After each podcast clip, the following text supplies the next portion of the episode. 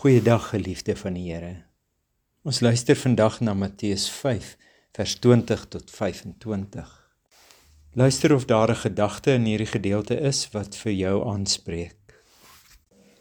Want ek sê vir julle, as julle geregtigheid nie aansienlik meer is as die van die skrifkenners en die fariseërs nie, sal julle beslis nie die koninkryk van die hemele binnegaan nie. Julle het gehoor dat aan die voorouers gesê is: jy mag nie moord pleeg nie en wie moord pleeg is strafbaar voor die reg.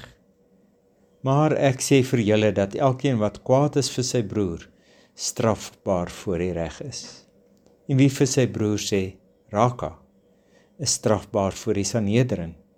En wie sê jou dwaas is strafbaar in Gehenna met sy vuur. En wanneer jy jou offergawe na die altaar bring en daar onthou dat jou broer iets teen jou het, Laat jou offergawe net daar by die altaar en gaan versoen eers met jou broer en gaan gee dan jou offergawe. Logs 'n geskil met jou teestander gou op terwyl jy nog saam met hom op pad is sodat die teestander jou nie in die regter oorlewer en die regter jou aan die hofdienaar oorlewer en jy in die tronk gegooi word nie. Stop om die Here se woorde te oordink.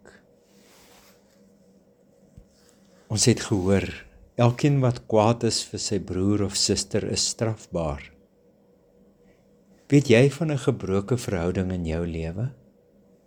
Wat het met die verhouding gebeur?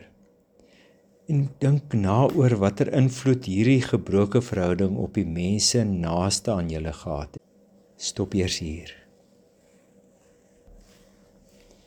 Het jy al beleef hoe 'n gebroke verhouding herstel het? Kan jy onthou wat gebeur het? Watter invloed het hierdie versoening op die versoendes en hulle naaste medemense gehad? Stop hier om dit net in gedagte te bring. Kan jy iets aan jou gespanne verhoudings doen? As jy kan, wat sal jy wil doen? Watter uitkoms verwag jy? Stop hier om dit te bedink. Dink na oor wat in Matteus 5 vers 20 tot 25 staan. Is daar gedagtes of 'n gedagte wat jy as 'n gebed aan die Here wil rig? Doen dit nou. Ons gebed in die lydenstyd is: Here, U het alles vir my gegee. Ek wy dit alles aan U.